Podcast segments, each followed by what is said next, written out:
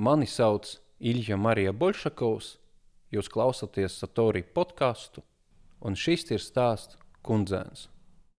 Ilja Marija Bolšakovs ir studējis filozofiju, bet tagad studē teoloģiju, raksta publicistiku un prózu. Stāsts kundzēns ir publicēts jaunākajā storija grāmatžurnālā Paģeris, kas pieejams lielākajās Latvijas grāmatnīcās. Mani bērnībā sita reti. Var teikt, ka man vispār nesita. Ir tīpaši ar zābaku. Konkrētāk ar gumiju zābaku. Manējo gumiju zābaku.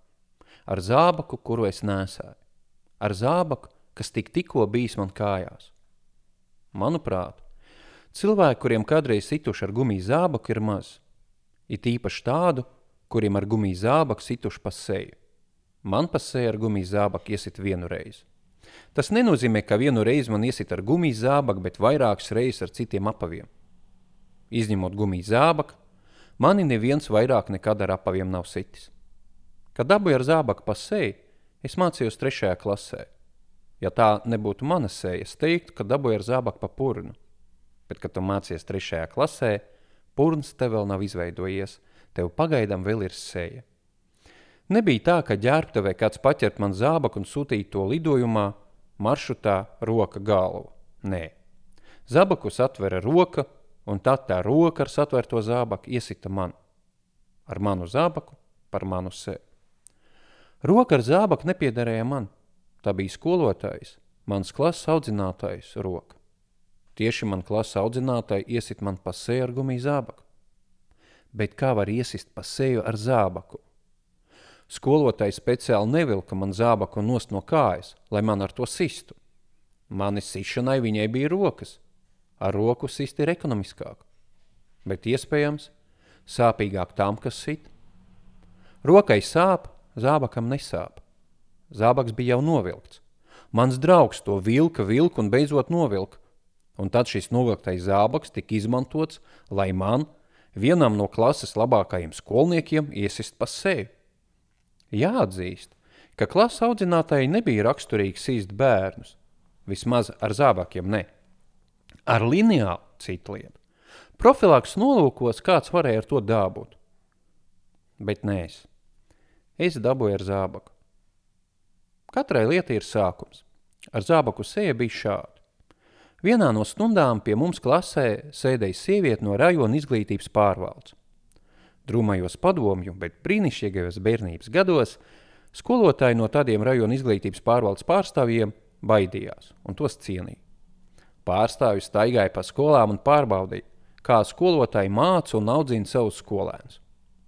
Mums beidzās stunda, kurā mūsu klases pēdējā solā sēdēja rajona izglītības pārvaldes pārstāvi un vēroja visu, kas notiek klasē. Bija novembris sākums – un tuvojās lielas oktobra revolūcijas svētki. Es nekādi nevarēju saprast šo paradoksu. Revolūcija saucās par oktobra revolūciju, bet svētki tika svinēti novembrī. Televīzijā cit pēc cits radīja filmas par revolūciju un Ļeņinu.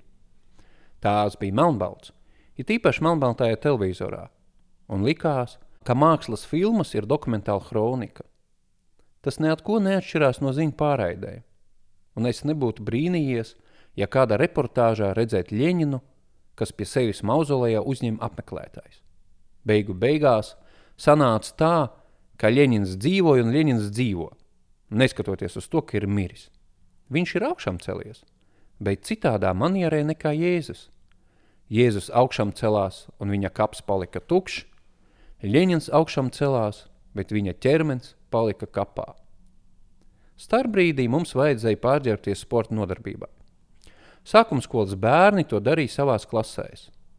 Mēs uzsākām pārģērbšanas darbus, un tas nebija nekāds vienkāršais process. Rajona izglītības pārvaldes pārstāv runāja klases audzinātāji un virzījās uz durvju pusi. Es neatceros, kas viņai bija mugurā vai kājās, bet man kājās bija gumijas zābaka. Man šādu zābaku nesāšana nebija obligāti saistīta ar lietu vai mitrumu. Man gumija zābaka patīk jau kopš bērnības. Vispirms tie bija zābaka un tikai tad gumijas. Man patika zābaka, jo man patika karavīri. Es gribēju būt karavīrs. Karavīriem bija zābaka, man arī bija zābaka. Karavīriem bija kirzas zābaki un hromāta zābaka, man bija gumijas zābaka. Es iztēlējos, ka esmu karavīra zābakos. Gumijas zābaks dažreiz ir grūti dabūt nost no kājas, it īpaši, ja kājās ir vilna zeķis. Tad ir nepieciešama drauga palīdzība. Tu, ka zābaku īpašnieks, ar vienu roku turies pie galda, ar otru pie krēsla, tev ir nepieciešama trešā roka, bet trešās rokas tev nav. Tavs draugs ar savām divām rokām sagrēb tavu zābaku un velk. Var sanākt tā, ka velkot nostāvu zābaku, tavs draugs ar tavu kāju tavā zābakā un daļai ar tevi pašu novirzās no sākotnējas jūsu atrašanās vietas. Un tad jūs kopā, draugs, gumijas zābaks, kāja un tu pats, nonāksiet kaut kur citur. Kaut kādā vietā, kurā jūs nebūtu vēlējušies būt. Jums nebija nodoma tur būt, nebija plāna, bet tā sanāca. Vienkārši sanāca aizķērsot ceļu rajona izglītības pārvaldes pārstāvē. Cilvēkam, kuru atsūtījusi valsts, lai pārbaudītu bērnu audzināšanas un mācīšanas procesu, konkrēti šajā klasē un šajā laikā. Un tā šīs valsts atsūtītais cilvēks gaidīja, kad viens slikti audzināts bērns otram pilnīgi neaudzinātam bērnam novilka zābaku, tēlojot laikus, kad viena cilvēka kalpoja citiem. Varbūt man gribās, lai tāda laika atgriežas. Es negribēju, lai tāda laika atgriežas. Es vispār neko negribēju izņemot to, lai zābaks būtu nost no kājas. Zābaka novilkšana izvērsās pa spēli. Tas bija jautri, kāds tev pilnīgi legāli kaut kur varēja vilkt aiz kājas, bet jautri bija tikai mums ar draugu. Laika ritms ir subjektīva lieta, un iespējams, rajona izglītības pārvaldes pārstāvēji, kas mēģināja izkļūt pa durvīm no klases, tas vilkas bezgalīgi ilgi. Tik ilgi, ka skolotāji, kas stāvēja blakus, kļuva sarkani. Viņi bija līdzīgi teikanai ar svilpi, kas ar savu skaņu padara zināmu ūdens uzvarīšanos un tvaiko, lai neuzsprāgtu. Teikanas vilpiens bija līdzīgs trauksmes signālam. Sākumā tas bija kluss, bet tad skaņas amplitūda pieauga, un drīzumā no tās vairs nekur nevarēja paslēpties. Teikāna proti skolotājā, iekšā bija ļoti maz ūdens, bet mana zābaka novilkšanas procedūra uzkurinājās zem tās milzīgu ugunskura. Skolotāji vārījās un bija gatavi izlaist tvaiku caur savu svilpi, kas viņas gadījumā bija muti. Kad zābaks bija nost, ceļš bija atbrīvots un klases durvis atvērās. Durvju atvēršana izsauca caurvēju, kas no klases pārāva rajona izglītības pārvaldes pārstāvu bet caurveiš neizput skolotāju, kur pārvērtās par smagnējo lietu mākoni. Kad aiz rajona izglītības pārvaldes pārstāvs aizvarās durvis, klasē sākās negaiss. Taifons vārda Valentīna. Taifona epicentrā atrodamies mēs kopā ar draugu. Es pašā centrā, bet draugs mazliet periferijā. Sākumā skolotāji nebija vārdu, tikai skaņas, starp tam neviens artikulēts. Tā lamājas mēmie. Vārdi parādījās brīdi vēlāk. No tiem atceros tikai vienu verbālo spļāvienu. Kundzēns tāds!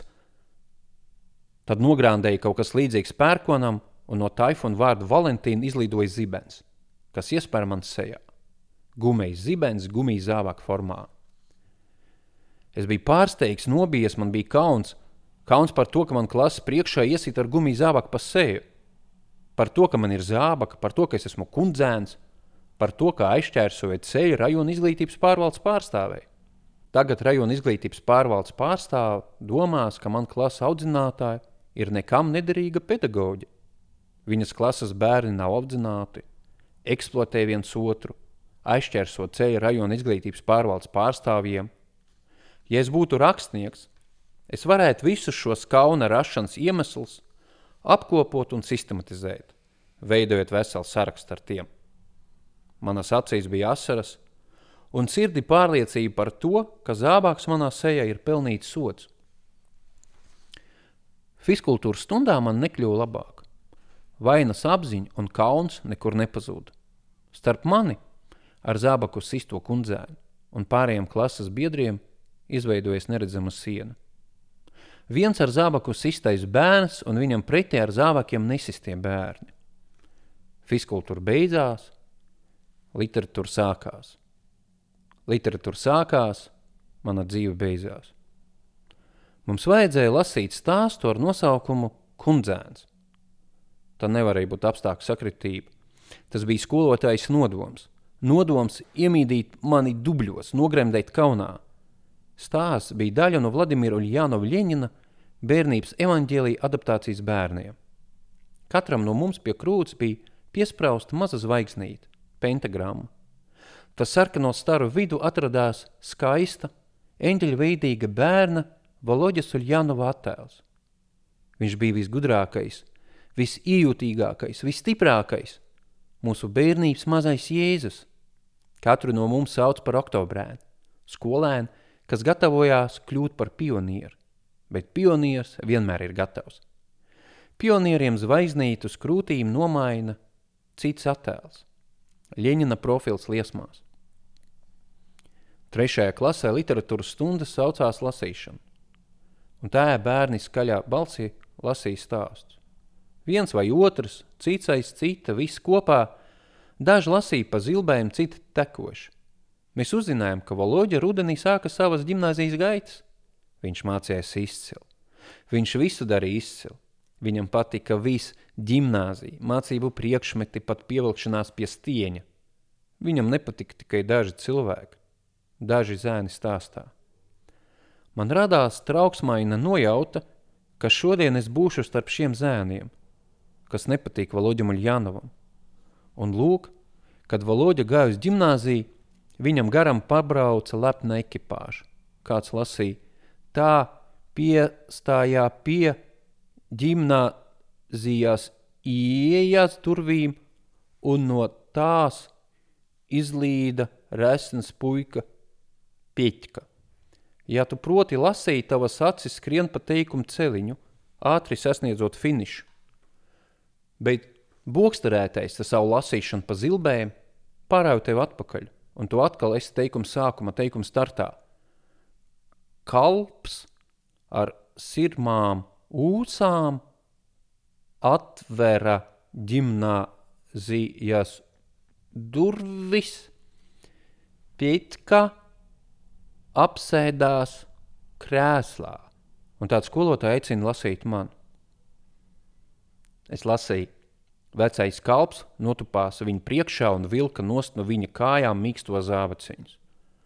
Skolotāji paskatījās uz mani. Viņa skatiens bija signāls, pēc kura uz mani sāk skatīties citi, visa klase. Viņa skatiens bija pirmais prožektors, kas tumšā naktī savā gaismas starā noķer ienaidnieku lidmašīnu. Un tad tam piebiedrojas citi prožektoru gaismas stari, kas pirms tam slinki apsekoja tumšās debesīs. Šo prožektoru gaismas staru skatienu krustojums saķera mani. Turēju nelaidu vaļā. Šodien arēnā ir puisīs gumijas zābakos, skatieties uz viņu. Es biju pieķka no stāsta. Tas, kas iesaidās mīkstajā krēslā un kam no kājām vilka nost mīkstos gumijas zābaciņus. Es lasīju tālāk. Pieķa raustīja kāju un kaprīzā balsi teica, ātrāk, ko tu tur čamājies? Es biju tas, kas raustīja kāju un parmeta vecam vīram čamašanos. Kauna sajūta bija tāda, ka es tajā vai slīku nost. Gribējās raudāt, bet asars neticēja. Tas palika iekšā. Galva gribēja pārsprāgt. Bez tās vienmēr ir vieglāk, bet nesprāg. Es skatījos grāmatā, burti lēkai un kļuva nesalasam. Klases biedru skatienu šāvienu liedza pacelt galvu. Mainījās mana sejas krāsa. Cilvēki paliek sarkani, kad ilgi sēž pirtī, it kā pirtī visiem būtu kauns vienam no otra. Mana seja palika sarkana bez pirts. Es to nevarēju redzēt, bet es to jūtu. Es jūtu, ka kļūtu tikpat sarkans kā skolotāji, kas kopā ar rajona izglītības pārvaldes pārstāvs stāvēja pie novilkta zābaka aizprostota ceļa. Viņai bija kauns par mani tad, bet man bija kauns par sevi šobrīd. Man palika karsti, dega vaigi, pierakļuva mitras, viedri bija silti, likās, ka tie iztvaiko un man galva kūp. Es mēģināju ieelpot, bet gaisa kaut kur bija pazudis. Vismaz viena no tā sastāvdaļām – skābeklis. Es noliecu galvu un skatījos grāmatā, jo skatīties apkārt nebija spēka. Dažas asas beidzot tika līdz acīm. Valoģos Uljānova attēls kas ilustrēja stāstu, sašķobies un izplūda. Man nevajadzēja lasīt tālāk, to turpināja darīt kāds cits. Kāds cits lasīja par to, ka valoģam palika pretīgi no tā, ka liels puika piespiež vecu cilvēku sev apkalpot. Bija skaidrs, ka valoģam palika pretīgi arī no manis. Kaut gan mans draugs, kas palīdzēja man novilkt zābaku, nebija nekāds vecs kalps tas irmā mūsām, kuru es izrīkot pēc savas iegribas. Viņš palīdzēja man brīvprātīgi, un mums abiem bija jautri. Bet iznāca tā, ka stāsts skolotāja un mazais Ļeņins visu apgriez kājām gaisā, un es savu draugu padarīju par kalpu. Es viņu eksploatēju, pazemoju, piespiedu vilkt man nost man smirdīgs zābaks. Es kļuvu par eksploatātoru, bet eksploatātoru vienmēr dabu pa ģīmi. Tāpat, ka tas notika ar mani. Valoģi pienāca man tuvāk, paskatījās uz mani un ar izsmiekli balsī teica: Es palūkšu, lai mana māsa man jāša kurai tik tikko palika divi gadi, iemācīt tevi novilkt zābaks. Kam? Kam tu palūksi, nesapratu es? Savai māsai stulbens tāds. Viņa prot zābaks novilkt, bet tu neproti. Vajadzēja tev pārmācīt, teica Ļeņins, paķera pieķkas zābaku un iesit man ar to pasēju. Bērni smējās gan par mani, gan par pieķku. Es un pieķka mēs bijām viens veselums, ļaunums saņem pelnīt sodu. Patiesībā Valoģa pieķka ar zābaku nesit. Nesit viņš arī mani. Stāsta notika kaut kas pavisam cits, bet es biju pārliecināts, ka manā grāmatā ir stāsta cita versija, un skolotāji iedevusi man īpašu grāmatas eksemplāru, kura Ļeņins sīt bērns ar zābakiem un citiem priekšmetiem, un tad jau sanāk, ka skolotāji ir visas tiesības darīt to pašu. Viņa tikai pildīja Ļeņina gribu. Pēc, ka stāsta nezināja, ko teikt pretī, Es ne tikai nezināju, ko teikt pretī, es nevarēju pat iedomāties, ka teiktu kaut ko pretī. Pretī kam? Ļeņinam, skolotāju, zābakam. Zābakiem runāt pretī ir grūti, tu tiem vārdu, tie tev papurnu. Mums nebija raksturīgi teikt kaut ko pretī Ļeņinam un skolotājiem. Man bija kauns, pēc kam kauna nebija. Viņš jau nelasīja stāstu par mani, es lasīju stāstu par viņu. Stāstu par viņu – kas pārvērtās stāsta par mani. Valoģa stāsta saprata, ka pēc bērni pieķku iesauc par kundzēnu. Kundzēns, kundzēns, kunga dēls. Kundzēns tulkojuma no padomu mēlis nozīmēja neaudzināta, slinka, sīkas vai vidējas buržuazijas atvas, kas neko neprot darīt pat ar savām rokām, piespiež visus darbus savā vietā darīt citiem, pazemot citus, dzer kalpu un darba ļauž asins. Un no tāda maza sūda var izaugt tikai tāds pats liels sūds, sūdu evolūcija. Un es ar savu zābaka novilkšanu kļuvu par daļu no tās. Šodien tev no kājām velk no zābaku, bet rītdien tu pārdosi dzimteni par kožlēnu un trim rubļiem. Tālāk stāstā pieķka un cita kundzēna apsprieda, cik katram ir kalpu un kā viņi tos izrīko. Kundzēna prasīja loģam, cik tā kalpu ir viņam, un viņš atbildēja, ka viņam ir divi kalpi, kurus viņš dažādi izrīko un nodemonstrēja kundzēniem savas stipras rokas - labo un kreiso, strādnieku roku un zemnieku roku. Man arī bija divas rokas, bet ne tik spēcīgas, lai novilktu zābaks un neaizķersotu izēju no klases. Neviens tad vēl nezināja, ka pienāks brīdis, un kalpi stieps pēķku un citus kundzēns pie stabiem, laternām un kokiem, stiprinās pie tiem striķus ar cilpām galā, un pēc brīža pēķka un citu kundzēni vicināsies ar kājām pa gaisu. Kam ir nosmāks? Nevajag stāties pretī. Ne Valoģam Uljānovam, ne rajona izglītības pārvaldes pārstāvēji, ne klases audzinātājai, ne klasē. Trešā ceļa nav. Ir tikai iespēja karināt kādu vai karāties pašam.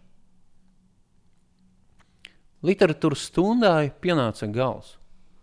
Un arī manī kaut kam pienāca gals. Šos gumijas zābaks es vairs nevilku. Oficiāla versija bija tāda, ka man tie kļuvuši par maziem.